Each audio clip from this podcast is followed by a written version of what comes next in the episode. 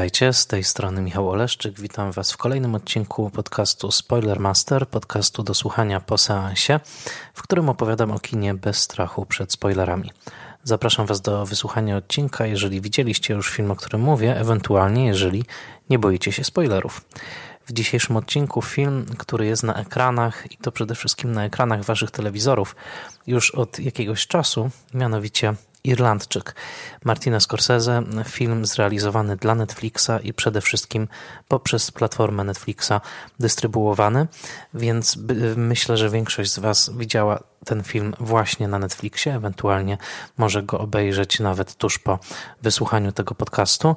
Były także pokazy kinowe w wybranych miastach i wybranych kinach, jednak jest to film, który przede wszystkim funkcjonuje właśnie przez tę platformę streamingową i w pewnym sensie razem z kilkoma innymi, takimi jak Roma, Alfonso Cuarona czy The King, Davida Michaud, sygnalizuje ogromną zmianę, jaka następuje na naszych oczach.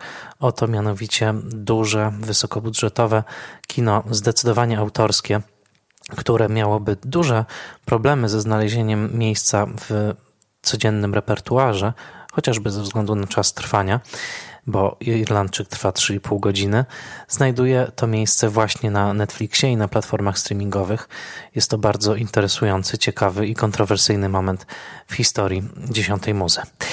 Dzisiaj opowiem trochę o kontekście filmu Irishman, o y, postaciach, które w tym filmie występują a także postaram się ocenić, chociaż nie jest to łatwe, ten bardzo rozległy, ogromny, wysokobudżetowy i bardzo ambitny film. 25 film pełnometrażowy w karierze Martina Scorsese, a jednocześnie dziewiąty, jaki nakręcił z udziałem Roberta De Niro, swojego ulubionego aktora.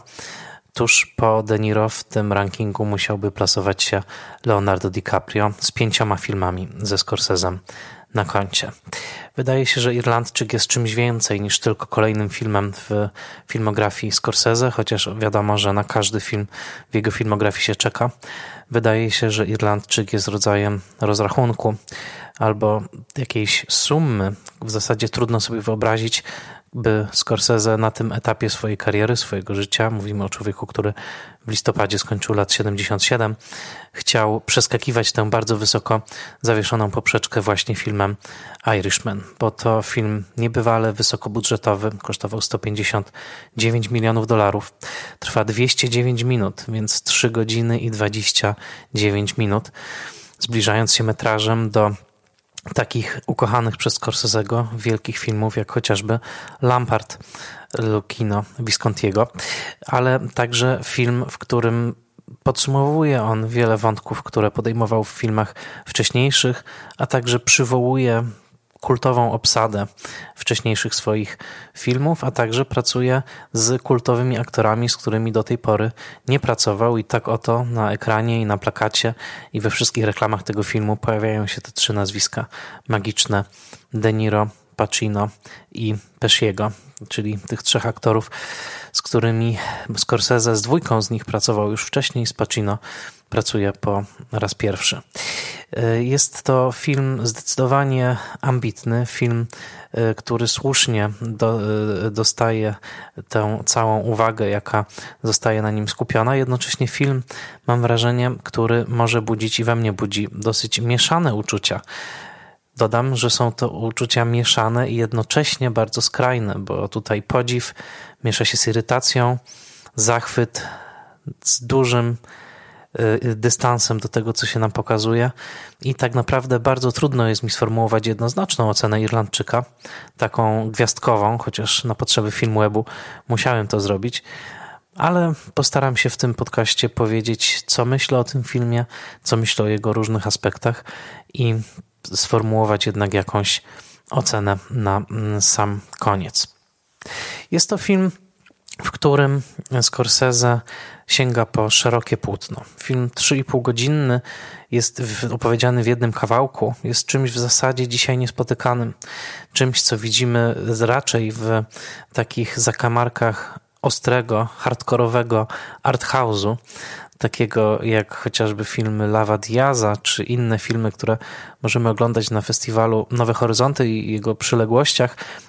Wydaje się, że takie długie ekranowe trwanie, 3,5 godzinny, wielki, epicki film, zostało zarezerwowane już tylko i wyłącznie dla przeszłości kina, dla takich filmów jak Ojciec Chrzestny Kopoli, Ojciec Chrzestny 2, jak chociażby właśnie wspomniany Lampard czy Ludwik Viscontiego, czy jeszcze parę innych właśnie takich czterogodzinnych wybryków, jak pięciogodzinny nawet wiek XX Bernardo Bertolucciego, e, ewentualnie dawno temu w Ameryce Sergio Leone.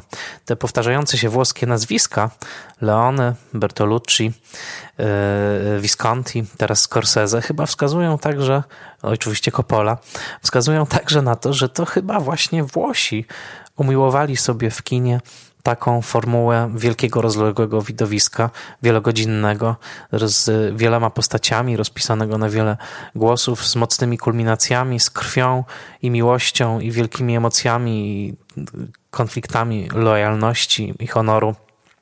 To właśnie chyba Włosi i ich miłość opery gdzieś w tym wszystkim się przebija i pod tym względem Scorsese wcale nie kryje tych włoskich inspiracji jest y, absolutnie zadłużony u, i u swoich rówieśników, bo Coppola to przecież jego rówieśnik, ewentualnie Bertolucci, ale także u swoich poprzedników, przede wszystkim u Viscontiego.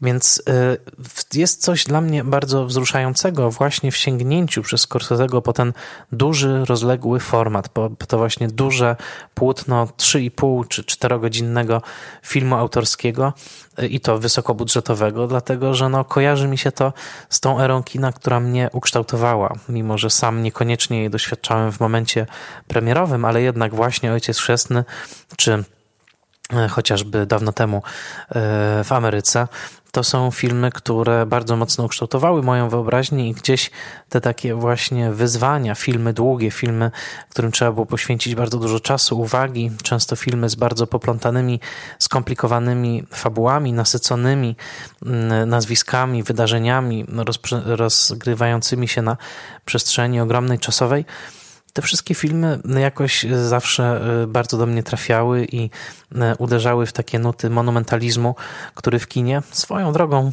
właśnie zapoczątkowali jeszcze w erze kina niemego Włosi, bo przecież Kabiria Giovanniego Pastrone z roku 1913 była wielkim, tym pierwszym filmem monumentalnym, wprowadzającym do kina tego rodzaju ambicje, tego rodzaju e, ambicje opowiedzenia czegoś na szerokim płótnie.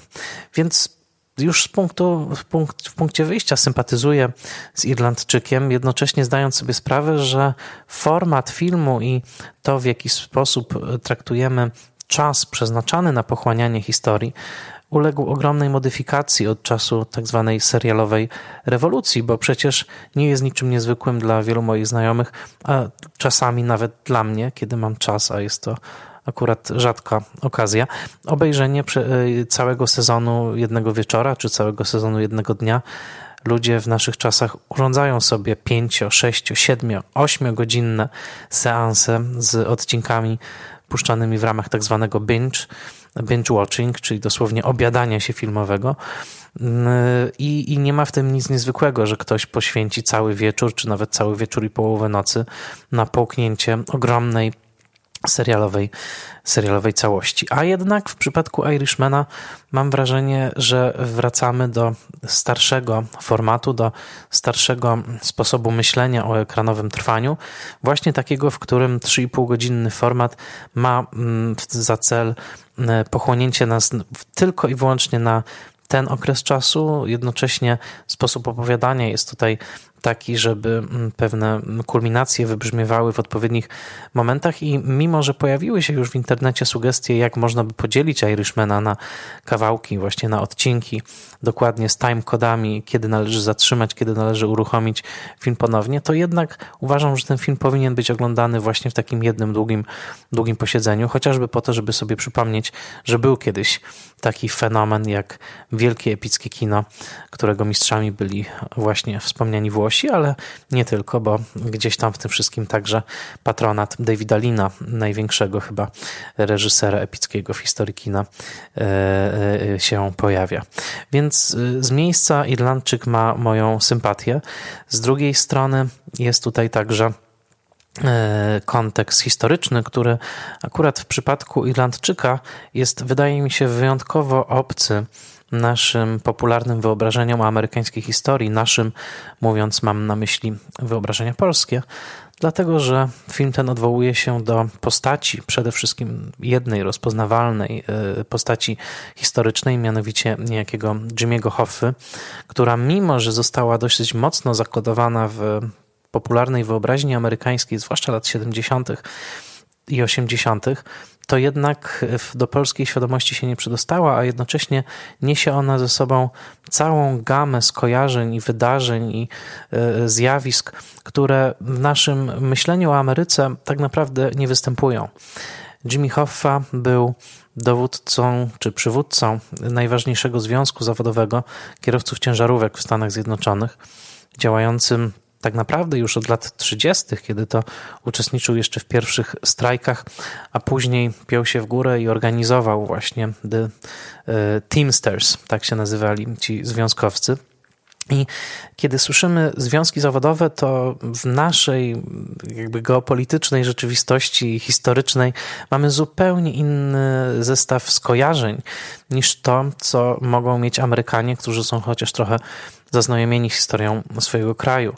Związki zawodowe kojarzą nam się ewentualnie z jakimiś mało efektywnymi e, e, i działającymi e, w jakimś takim stuporze organizacjami, które tak naprawdę nie mają wiele do wywalczenia.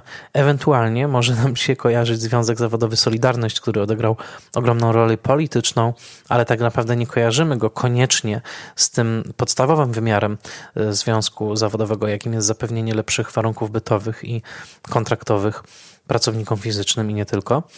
E, ale mm, w, w, w wypadku amerykańskich związków zawodowych, zwłaszcza właśnie Teamsterów, ale nie tylko, musimy pamiętać o tych niesłychanie gwałtownych i obfitujących w bardzo drastyczne wydarzenia i konflikty tarciach, jakie w całym wieku XX, tak naprawdę i oczywiście wcześniej też, ale w wieku XX możemy już mówić o mm, rodzeniu się dojrzałych związków zawodowych, jakie tarcia, jakie następowały pomiędzy wielkim kapitałem amerykańskim, pomiędzy właścicielami e, fabryk i rozmaitych biznesów, a siłą roboczą te tarcia były tak drastyczne, dochodziło do regularnych niemalże wojen, nie tylko pomiędzy pracodawcami i pracownikami, ale także pomiędzy rozmaitymi związkami zawodowymi, które często walczyły o dominację na tym rynku związków zawodowych, że trochę nasze polskie oczy przecieramy w zdumieniu, że do tak gwałtownych wydarzeń w ogóle, mm, w ogóle dochodziło. E, kino amerykańskie było poświęcane temu tematowi wielokrotnie. Jest to oczywiście temat, który dzisiaj nie powraca aż tak często. E, wydaje się, że napięcia ekonomiczne naszej ery są zupełnie inne, przebiegają trochę na innych liniach e, i demarkacyjnych niż tylko ta najprostsza pomiędzy pracodawcą a pracownikiem, ale warto wspomnieć, że w kinie amerykańskim były już filmy, które portretowały heroiczne karty właśnie w, dotyczące strajków pracowniczych, dotyczące związków zawodowych. Wystarczy wspomnieć chociażby dwa tytuły, mianowicie Fist, czyli film z roku 1978 w reżyserii Normana Jewisona, w którym nikt inny jak Sylvester Stallone zagrał postać inspirowaną Jimem Hoffą i w zasadzie stanowiącą przebitkę jeden do jeden e, życiorysu Hoffy. On tam nazywał się Johnny Kowak, był węgierskim pracownikiem fabryki, który no właśnie tworzył związek i potem piął się w górę w jego strukturach. Swoją drogą jest tam bardzo postać y, ciekawa Polaka Dąbrowskiego. Zobaczcie, nie zdradzę na czym polega niezwykłość tej postaci w kontekście jej nazwiska. E, polecam film Fist e, pierwszy scen, y, słynny scenariusz y, Joe Esterhaza, który później napisał Nagi Instynkt i zarobił bardzo dużo na swoich scenariuszach. E, Fist, rok 78, ale także takie filmy jak Johna Salesa Matewan z 87 roku, heroiczny film o organizatorce związku zawodowego, czyli Norma Ray, rok 79 w reżyserii Martina Rita, reżysera, którego korzenie sięgają jeszcze takiej właśnie socjalistycznej wrażliwości lat 30., 40., e, ale i filmy dokumentalne, takie jak Harlan County, USA, Barbary Koppel, ewentualnie słynny komunistyczny eksperyment, film niezależnie zrealizowany, e, głównie z pieniędzy e, przemysłu e, wydobywczego miedzi i Związku Zawodowego. Właśnie, mianowicie film Herberta Bibermana roku, z roku 1954 pod tytułem Sól Ziemi, The Salt of the Earth, który opowiadał o organizowaniu się meksykańskich głównie mm, e, e, robotników w Stanach Zjednoczonych w kluczu absolutnie, który w Polsce błyskawicznie odczytujemy jako stricte socrealistyczny, propagandowy. Zresztą Biberman był e, komunistą zapisanym do partii i ten film razi wszelkimi możliwymi mm, schematyzmami, które znamy chociażby z polskich produkcyjniaków i produkcji socrealistycznej lat 50. No właśnie tutaj chyba dotykamy istoty problemu. Dla polskich uszu i oczu mm, wszelkie e, filmy pochwalne na temat związków zawodowych i walki robotników o lepsze warunki bytowe zawsze chyba będą trącić, a przynajmniej dla mnie, dla mojego pokolenia wciąż jeszcze trącą pewnym propagandowym fałszem, pewnym e, zadęciem, pewnym e, e, smrodkiem dydaktycznym, który przedostał się do tych filmów przede wszystkim za sprawą wrażliwości lewicowej, która w latach 30. i później kształtowała amerykańską literaturę, teatr i film i która bardzo płynnie przejęła pewne wzorce właśnie socrealistyczne, czyli takie schematyczne, e, bardzo uproszczone, bardzo spiżowe, podniosłe.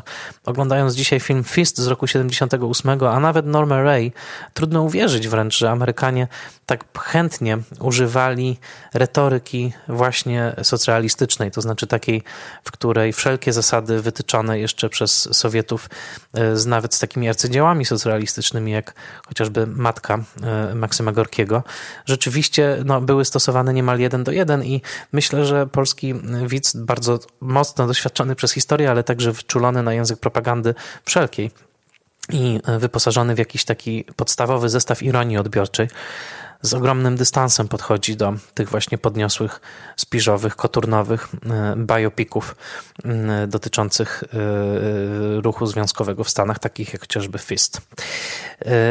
Dlaczego o tym wszystkim mówię? Dlatego, żeby pokazać, że dotykając swoim filmem Irlandczyk właśnie tematu Hoffy, tematu związków zawodowych w Stanach, Martin Scorsese dotyka gruntu, który tam jest dosyć rozpoznany y, i niesłychanie ważny dla mm, tamtejszej kultury i dla także pewnej refleksji dotyczącej natury Stanów Zjednoczonych, natury panującego tam porządku ekonomicznego, tego w jaki sposób on przede wszystkim nie działa, y, zezwalając na wyzyski, rozmaite y, formy ucisku człowieka przez człowieka. I dlatego Warto pamiętać, że wcielając się w postać Jimmy'ego Hoffy w tym filmie, Al Pacino musiał się niejako zmierzyć.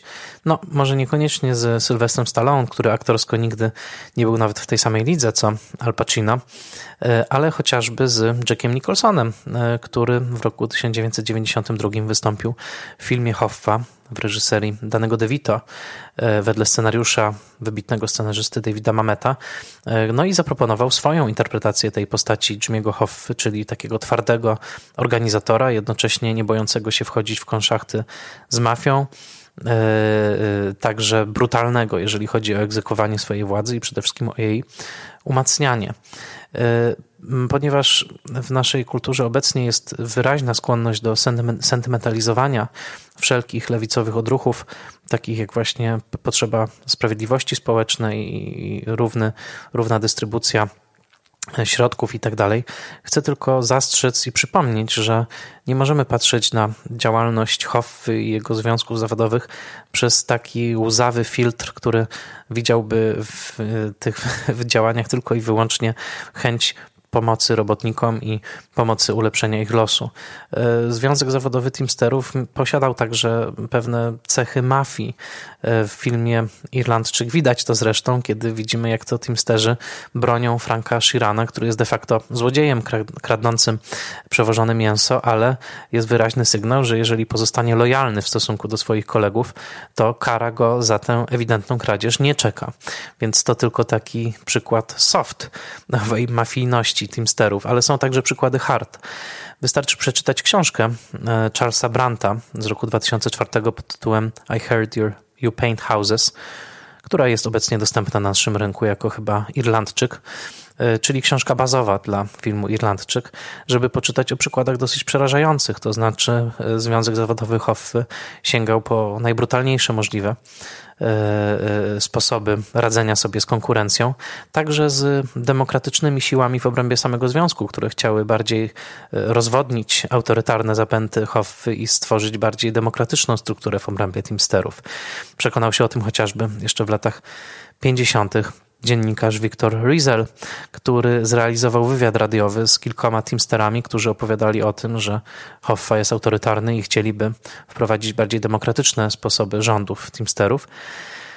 No, Viktor Rizel szybko się przekonał, że z Teamsterami i z Hoffą nie należy zadzierać. Oblano mu twarz kwasem, oślepł i w zasadzie na tym jego kariera dziennikarska się skończyła.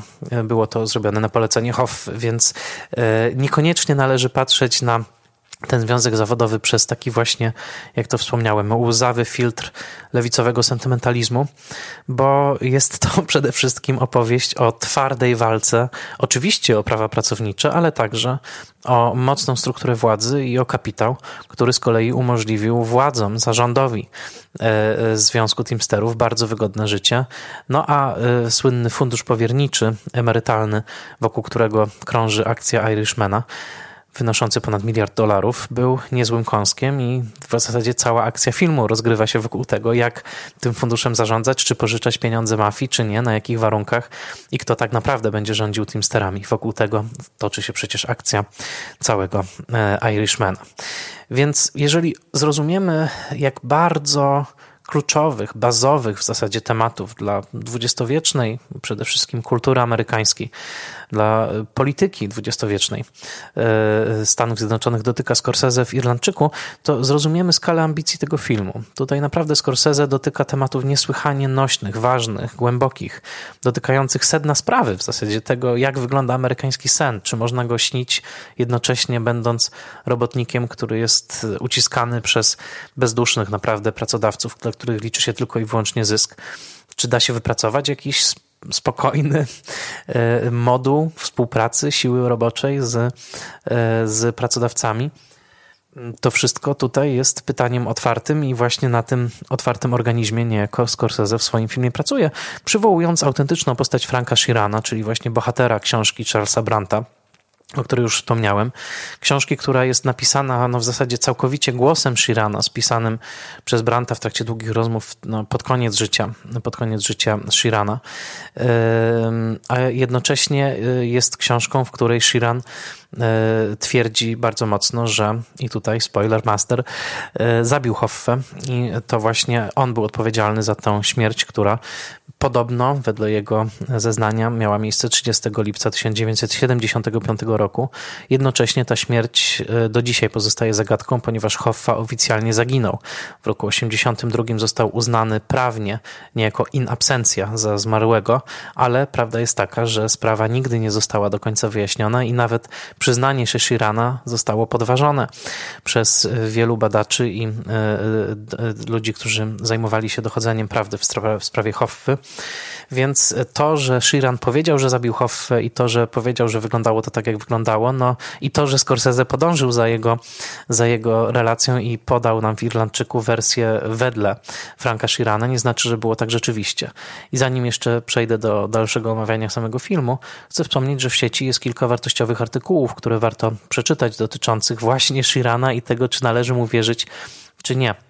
Oczywiście pewnie można by w ten wir e, różnych fejków i niefejków e, wpaść i ugrzęznąć na zawsze, ale ja chcę podać dwie publikacje, które wydają się szacowne i, i, i wiarygodne, mianowicie artykuł Billa Tonella w piśmie Slate, artykuł pod tytułem wymownym The Lies of the Irishman, czyli Kłamstwa Irlandczyka, a także artykuł, który mi o wiele bardziej się podobał i który ma też pewną osobistą stawkę w tym wszystkim, artykuł Jacka Goldsmitha w New York Review of Books pod tytułem Jimmy Hoffa and the Irishman, a, True Crime Story ze znakiem zapytania.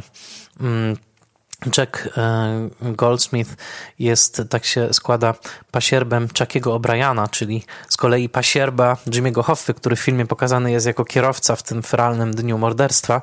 E, no tutaj właśnie e, Goldsmith wychodzi właśnie od tego, że chce oczyścić imię Charlie'ego O'Briana i przeprowadza całe bardzo przekonującą mm, mm, dowodzenie tego, że Sheeran mm, najprawdopodobniej nie był tym, który zastrzelił Hoffę, przy czym oczywiście Goldsmith potwierdza, że Hoffa niemal na pewno, w zasadzie na pewno został zamordowany przez mafiozów, tylko niekoniecznie przez Shirana i niekoniecznie w takiej konfiguracji, jak to widzimy, jak to widzimy w filmie. E, no a teraz y, film. Mm, dodam, że przed y, nagraniem podcastu przeczytałem jeszcze książkę y, Branta, która jest bardzo interesująca. Jednocześnie uważam, że porównanie scenariusza Steve'a Zaylana, czyli autora swoją drogą listy Schindlera, i tej książki może służyć jako niezła lekcja scenariopisarstwa, dlatego że sposób, w jaki Zajlan przeniósł do dialogów wiele elementów z narracji Shirana i to zamieniając ich miejsca bardzo interesująco, jest w pewnym sensie mistrzowski. Bardzo, bardzo podziwiam ten, tę robotę tutaj, mm, tutaj wykonaną. Z strony, y, pod względem tego, jaki materiał wybrał Zajlan z książki, jestem zdziwiony i tutaj przechodzę już powoli do krytyki tego filmu, który jednak, no, wobec którego mam bardzo mieszane uczucia. Mianowicie Steve Zajlan usunął z filmu bardzo wiele elementów dotyczących młodości Franka Shirana, które naprawdę wydaje mi się, że w integralny sposób wyjaśniają, kim ten człowiek był, jak funkcjonował i dlaczego tak łatwo, z taką łatwością przychodziło mu e, wykonywanie poleceń mafii, dla której pracował. Przede wszystkim te brutalne morderstwa. No, Frank Sheeran w filmie, w filmie podkreślam, jest człowiekiem, którego twardy charakter gra go Robert De Niro i pewna nieczułość, takie znieczulenie siebie na dokonywane morderstwa i chęć przynależności do mafii są tak naprawdę zagadką. I to jest mój jeden z głównych problemów z tym filmem, że my nie poznamy, mimo że film nazywa się Irlandczyk, mimo że Sheeran jest głównym narratorem, że jest go bohaterem, tak naprawdę nie poznajemy tej postaci. Nie chodzi mi tylko o tą warstwę młodości, która by dostarczyła chociażby próbnego klucza do zrozumienia, ale tak naprawdę w filmie nie dostajemy informacji o tym, jaki ten człowiek, jaki ten człowiek jest. Z wyjątkiem tych momentów, które pokazują bliskość między nim a Hoffą e, jako, jako przyjaciół, ale o tym jeszcze zaraz powiem. Tymczasem w powieści w książce źródłowej jest bardzo wyraźnie pokazane, z jak ogromnej biedy ten, ten człowiek pochodził tak naprawdę. E, to była niesłychanie biedna rodzina e, imigrancka. E, jego ojciec był dość mocno przemocowy, to znaczy tam przede wszystkim jego ojciec był amator, amatorem, bokserem i w ich domu cały czas na łóżku wisiały rękawice bokserskie i często zdarzało się ojcowi Tomasowi Shiranowi zakładanie tych rękawic i bicie syna, e, jednocześnie zakazując mu wszelkich prób obrony.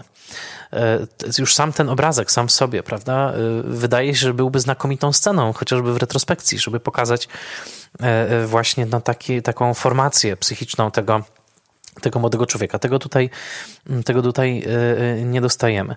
E, doświadczenia wojenne w trakcie II wojny światowej, kiedy mm, Shiran walczył w armii amerykańskiej we Włoszech, są potraktowane w filmie niesłychanie zdawkowo. W zasadzie jest jedna scena, w której on strzela do niemieckich jeńców po, po tym, jak oni wykopali sobie grób i rzeczywiście ta scena pokazuje takie bezduszne, pozbawione wyrzutów sumienia zabijanie, ale jest, tych, jest tego za mało. Shiran wprost mówi w książce, że wojna była dla niego doświadczeniem doświadczeniem formacyjnym i tam nauczył się zabijać bez żadnego mm, wyrzutu. Jednocześnie doświadczył tam bardzo, bardzo mocno strachu. Po prostu strachu, traumy strachu e, wojennego, której w tym filmie też nie ma, bo jest tylko ten jeden w zasadzie obrazek wojenny i, i nie czujemy, żeby on tam doświadczył jakiejś traumy. Swoją drogą, i tutaj polski akcent, e, Frank Sheeran walczył pod Monte Cassino. Więc e, nie do końca, nie do końca są, jest, jest jakiekolwiek wyjaśnienie i nie ma bardzo ciekawych scen, takich jak chociażby to, że wedle relacji Shirana ojciec jego zakładał się z kumplami w pubie o to, które dzieciak zostanie pobity przez jego syna, czyli przez Franka, o pieniądze, po czym brał ze fraki Franka, kazał mu się bić na podwórku z jakimiś dzieciakami i później w zależności od tego, czy przegrywał, czy wygrywał, nagradzał syna albo go karał. Więc to, jeżeli zbierzemy takie szczegóły, a także takie, że sam Frank był bokserem i to bokserem bardzo szczególnym, bo e, raz, przynajmniej raz zdarzyło mu się e, popisowo, wyczynowo walczyć na ringu w rękawicach z kangurem, co też by było interesującą sceną w wykonaniu De Niro. No to wszystko nie chodzi tylko o jakieś kolorowe anegdotki, tylko o pokazanie człowieka, który był wychowany e, z takim mocnym przemocowym elementem i, i, i bez czułości. On mówi wprost, to cytat z książki. Nadal uczy się czułości z moimi wnukami. Nie pamiętam, by mama chociaż raz w życiu mnie pocałowała.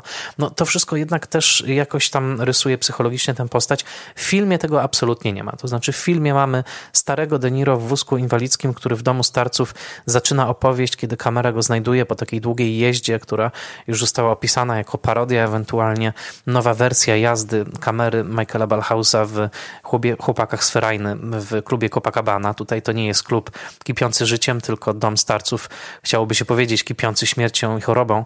E, I, i, I tak zaczyna się ten film, taką właśnie długą jazdą, ale no, Shiran opowiada tą swoją historię ze swadą, z dowcipem, e, z dygresjami, ale nie wiemy naprawdę nie wiemy, kim on jest. To jest mój główny problem z filmem. O ile dosyć mocno czujemy w tym filmie, kim jest Hoffa, jakie są jego, jakie są jego motywacje, jaka jest jego osobowość, jego reakcje, o ile dość mocno czujemy nawet e, Russella Buffalino, czyli granego przez Joe Pesciego bossa mafijnego, o tyle Frank dla mnie jest pustym miejscem. Jest absolutnie słabym spoiwem tego filmu, który dopiero w ostatniej pół godzinie, kiedy dochodzi do zdrady, kiedy musi wziąć udział w morderstwie Hoffy i to czyni i, i przede wszystkim orientuje się, że w zasadzie poprzez E, ciągłą e, chęć bycia silnym i ochronienia swojej rodziny przed wszelkimi przeciwnościami losu właśnie w tym e, kluczu mafijnej działalności utracił tak naprawdę swoje dzieci, które nie chcą z nim rozmawiać.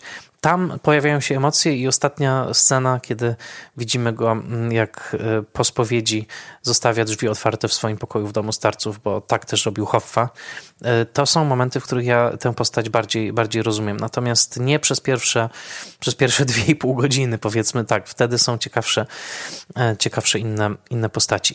Więc film jest opowiedziany w ten sposób, że pierwsze w zasadzie dwie i pół godziny to jest e, e, to seria retrospekcji osnutych wokół jednej podróży, jaką odbywa, odbywają Franki raz wraz z żonami na mm, ślub, który ma być takim ważnym wydarzeniem w mafijnym, w mafijnym życiu e, tej społeczności, a e, następnie mamy od pewnego momentu już tylko i wyłącznie wydarzenia dotyczące zabójstwa Hoffy i tego, co dzieje się później. Natomiast, tak jak wspomniałem wcześniej, są to szerokie, e, jest to szerokie płótno i widzimy tutaj nie tylko panoramę wydarzeń dotyczących życia bohaterów, ale także panoramę wydarzeń historycznych z wyborem Kennedy'ego w tle, z jego zabójstwem, z nieudaną inwazją na Kubę i z słynnym fiaskiem w Zatoce Świń.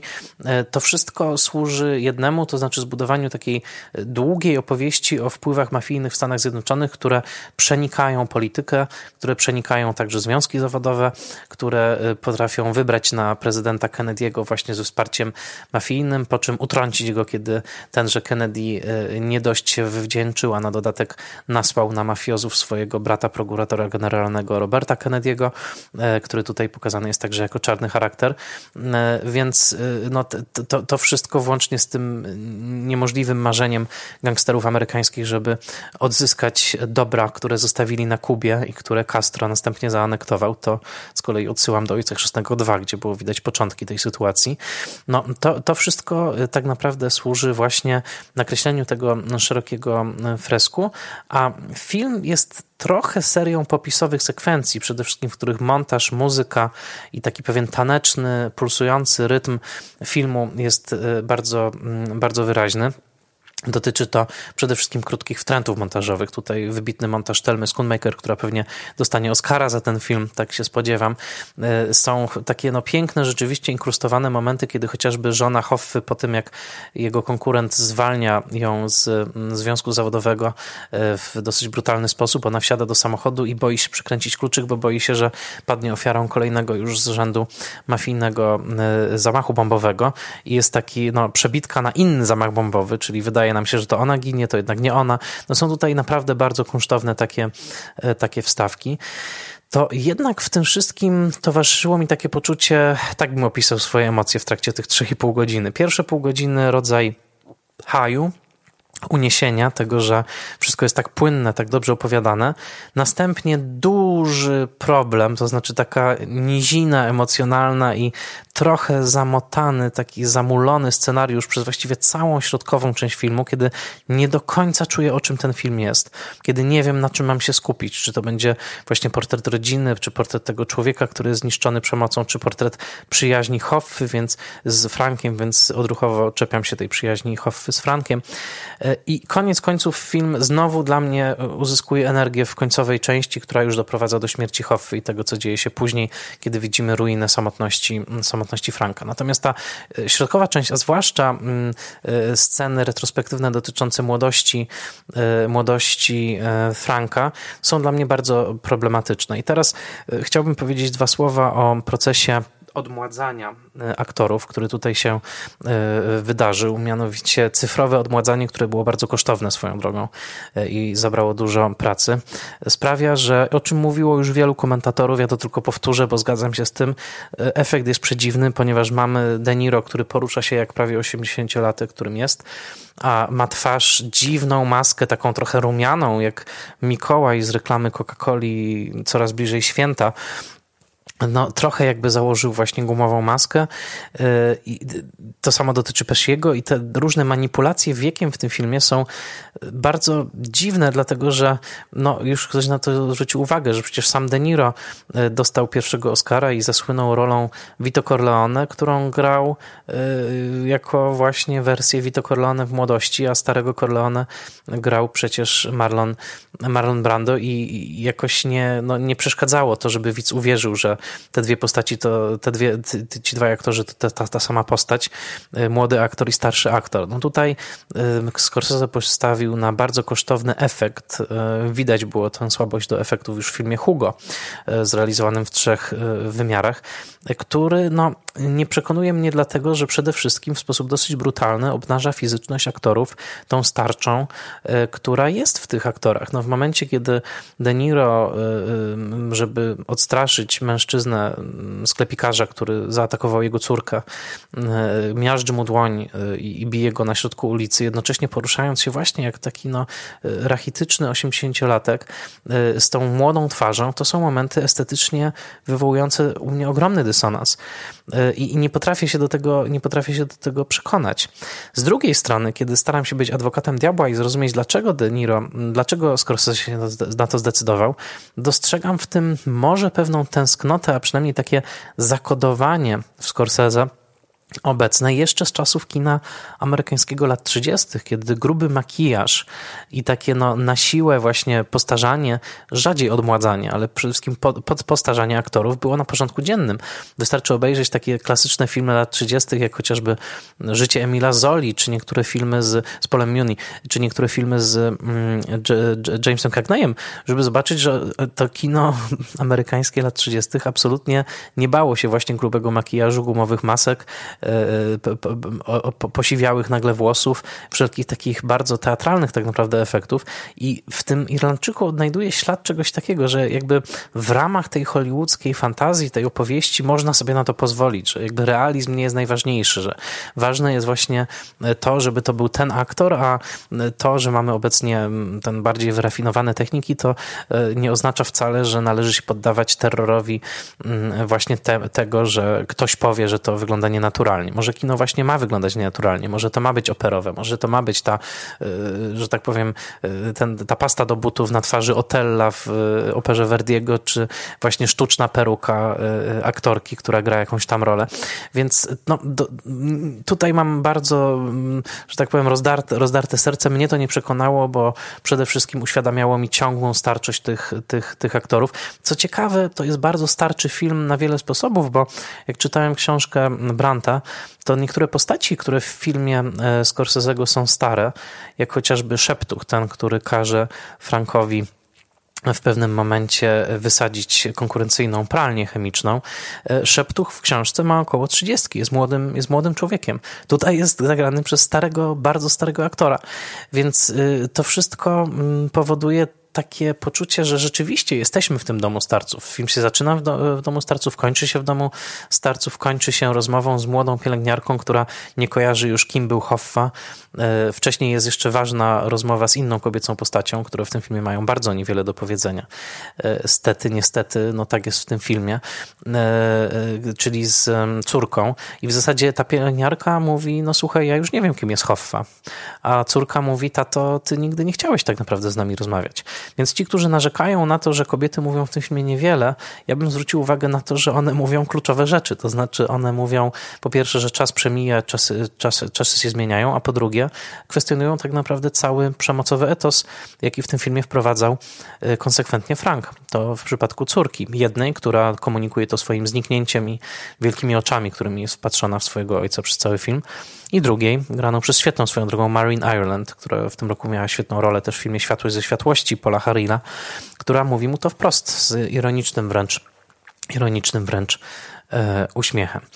Więc to jest kolejny, mm, kolejny e, aspekt. E, także film całkowicie wykasowuje motyw alkoholizmu Shirano, do którego on się przyznawał w książce i który też był istotnym, jak myślę, elementem amortyzowania wszelkich traum związanych z zabijaniem e, i z jakimiś wyrzutami sumienia, które najpewniej go jednak, e, jednak gnębiły.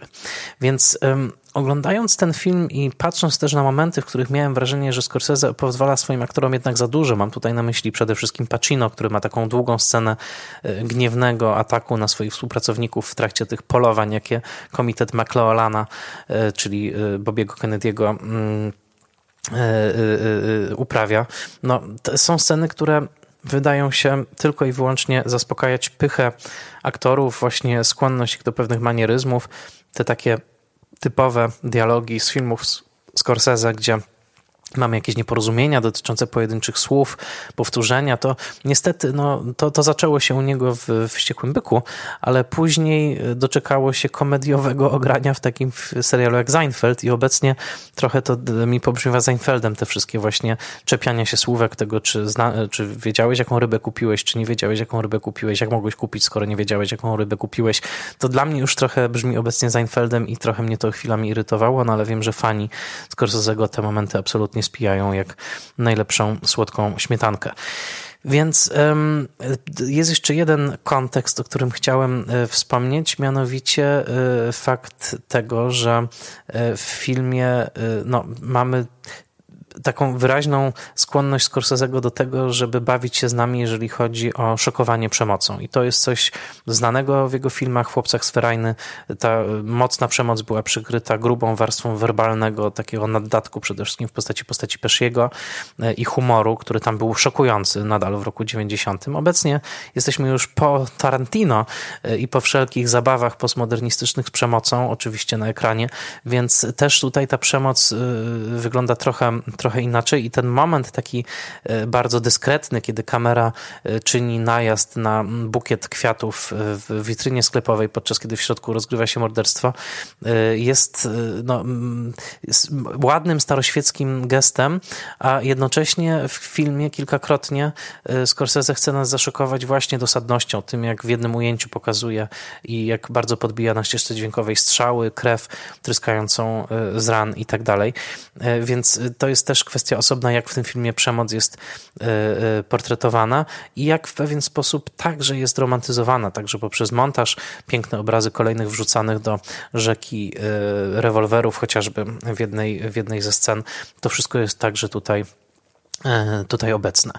E, patrząc na Roberta De Niro w tym filmie, myślałem sobie o tym, jak przez lata tak naprawdę wspólnie ze Scorsese'em portretowali na ekranie rozmaite wersje męskości. Tego, w jaki sposób był romantycznym kochankiem De Niro w filmie e, New York, New York. Tego, w jaki sposób pokazał się jako psychopatyczny, straumatyzowany Wietnams, weteran wojny w Wietnamie Travis Bickle w taksówkarzu. W jaki sposób pokazano pewną toksyczność toksyczną obsesję na punkcie kultury masowej w Królu Komedii, który także powrócił w tym roku na ekrany, ale w postaci w postaci Jokera, czy słynną rolę, w której także fizycznie bardzo De Niro się zmienił, ale tam za pomocą swojej własnej pracy, obżarstwa, a następnie ćwiczeń, czyli we Wściekłym Byku, w którym z kolei konflikt duchowości z e, cielesnością był bardzo mocno wybity na plan pierwszy, także za sprawą scenariusza, e, scenariusza Paula, Paula Schradera. I na koniec pomyślałem sobie o tym, że oczywiście w filmie Scorsese najczęściej mamy do czynienia z mężczyznami, którzy są targani e, dylematami sumienia. To dotyczy czy Harvey'a Keitla w ulicach nędzy. To oczywiście dotyczy całych pokładów katolicyzmu, które odłożyły się w Scorsese, który przyznaje się do tego, że pomimo wszelkich swoich no może nie tyle apostazji, co, co e, przygód duchowych i poszukiwań i e, także chyba jednak agnostycyzmu, że czuje się gdzieś w głębi rzymskim katolikiem. Więc te wszystkie, właściwie właśnie wszyscy mężczyźni rozdarci dylematami, jak chociażby Chrystus w ostatnim kuszeniu Chrystusa, czy Nick Nolte w filmie Przylądek strachu, gdzie De Niro był taką, był czystym id terroryzującym amerykańską rodzinę, no i Nolte musiał stanąć na wysokości zadania i w końcu pod potwora po prostu zabić, że to, że te wszystkie wizje w przypadku takiego filmu jak Irlandczyk, to też dotyczy trochę milczenia, czyli poprzedniego filmu Scorsese'ego, osiągają takie swoiste apogeum w rodzaju pogodzenia się ze światem i pogodzenia się z Bogiem. To znaczy, myślę, że nie jest przypadkiem, chociaż to też prawda, że to jest w książce Branta, że film kończy się aktem spowiedzi, tak jak kończył się aktem konfesyjnym film Milczenie, y, tym najazdem na krzyżyk y, słynnym w ostatnim, w ostatnim ujęciu to jest dosyć istotny element w przypadku tego twórcy, który w postaci Franka Shirana pokazuje kogoś ciągle rozdartego pomiędzy chęcią przynależności do świata blichtru, bezpieczeństwa, jednocześnie e, no, mm, wysokiego dochodu, który symbolizuje mafia włoska. On sam nie jest Włochem, jest jak tytuł podpowiada Irlandczykiem, który mm, jakby wkupia się w mm, łaski mafii włoskiej za sprawą znajomości języka włoskiego, którą nabył na wojnie, ale także za sprawą absolutnej lojalności. No a następnie y, jest z kolei y, obsypany zaszczytami przez Hoffę i w ten sposób w tym prostym człowieku rodzi się pewien dylemat dotyczący y, tego, gdzie ta lojalność powinna naprawdę spoczywać. Koniec końców wybiera tę lojalność, która spoczywa po stronie większej siły. Do, zabiera tajemnicę tego, kto zabił Hoffę w zasadzie do grobu, to znaczy zabiera tajemnicę swojej winy do grobu. Być może zdradzają księdzu, ale tego, tego nie wiemy, więc jest to historia jakiejś takiej tak naprawdę mm, bardzo prostej osobowości, która odnajduje sens życia w absolutnym posłuszeństwie i w poświęceniu się przemocy wykonywanej na rzecz e, e, zleceniodawcy, na rzecz e, pracodawcy. Jest to przerażająca wizja, bo w tej wizji profesjonalizm i socjo, taki element pewnej socjopatii wzrastają się w jedno. I wydaje mi się, że gdyby czytać ten film, a myślę, że przecież na jakimś poziomie trzeba, jako rodzaj sumy, czy być może nawet autoportretu Scorsese'ego, to czy nie jest to koniec końców portret człowieka, który poświęcił absolutnie wszystko dla swojej pracy, który poświęcił dla swojej pracy rodzinę, dzieci od niego odchodzą, który goniąc za jakąś swoją wizją właśnie efektywności, bezpieczeństwa, profesjonalizmu, tak naprawdę stracił wszystko, wszystko inne. Mm, czy nie jest to wizja człowieka wydrążonego, który koniec końców siedzi w tym e, e, szpitalu, e, domu starców i czuje, że coś bardzo ważnego mu się wymknęło, ponieważ skupił się na rzeczach, które koniec końców okazały się przemijające. Mm, zostawiam te pytania zawieszone, ale wydaje mi się, że możemy pytać o e, te rzeczy w przypadku filmu, który ma cechy pewnego artystycznego mm, e, e, testamentu. Jest to, myślę, jedna z płaszczyzn, na których ten film można odczytywać. Natomiast mam i na tym będę kończył ten odcinek, gigantyczny problem z Irlandczykiem. Wydaje mi się, że jest to z jednej strony kawał kina, e, no, nieprawdopodobnie ambitny, nieprawdopodobnie rozmachem obdarzony film, który wielokrotnie wywołał rumieniec na mojej twarzy. Z drugiej strony wydaje mi się, że konstrukcyjnie, jako właśnie ta całość 3,5 godzinna, on jednak nie działa. To znaczy, wydaje mi się, że brak wyrazistego zarysowania postaci Franka, brak e, tak naprawdę zdecydowania w połowie filmu, gdzie ten film ma zmierzać, do czemu służą te powtarzające się, spiętrzące się epizody, które chwilami wydawałoby się rzeczywiście mogłyby e, umeblować kilka odcinków serialu. Mam wrażenie, że jeżeli porównamy to z takimi arcydziełami konstrukcji właśnie szeroko mm, płóciennej, jak dawno temu w Ameryce, jak Lampard, to jednak Irlandczyk ujawnia swoją dużą słabość.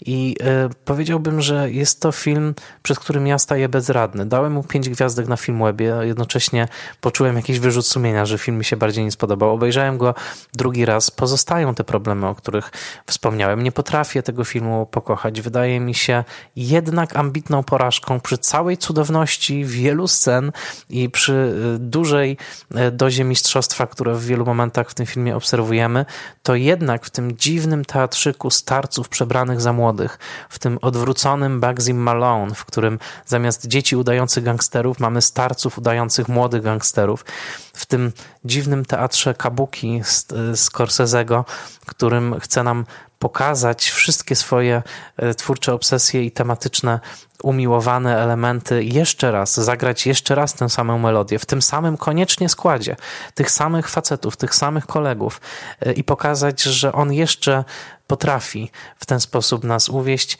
Mnie do końca nie uwodzi. Wiem, że wielu spośród Was tak, bo czytałem wiele opinii na Facebooku, ale ja staję na przeciw tego ogromnego, pękniętego, niedoskonałego, a jednocześnie wielokrotnie zachwycającego filmu. Dosyć bezradny. Cieszę się, że go oglądałem i być może dam mu jeszcze szansę, bo chyba jest coś takiego w Irlandczyku, że będę chciał do niego wrócić, ale to dopiero za parę lat. Dziękuję Wam bardzo za uwagę w tym odcinku.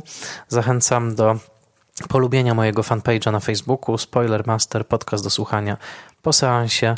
Bardzo serdecznie dziękuję Wam za wszystkie miłe głosy. Zamykam niniejszym rok 2019 w moim podcaście i tym samym sezon pierwszy.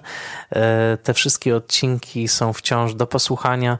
Zapraszam do posłuchania tych, których nie słuchaliście i jednocześnie, gdyby ktoś był zainteresowany otrzymaniem naklejki podcastowej, wystarczy do mnie napisać na michal.oleszczykmałpa.gmail.com i tam wysłać adres domowy. Ja chętnie naklejkę wyślę z ogromną prośbą, by powiedzieć chociaż jednej osobie, która nie zna Spoilermastera o moim podcaście i e, w ten sposób zdobyć kolejnych słuchaczy.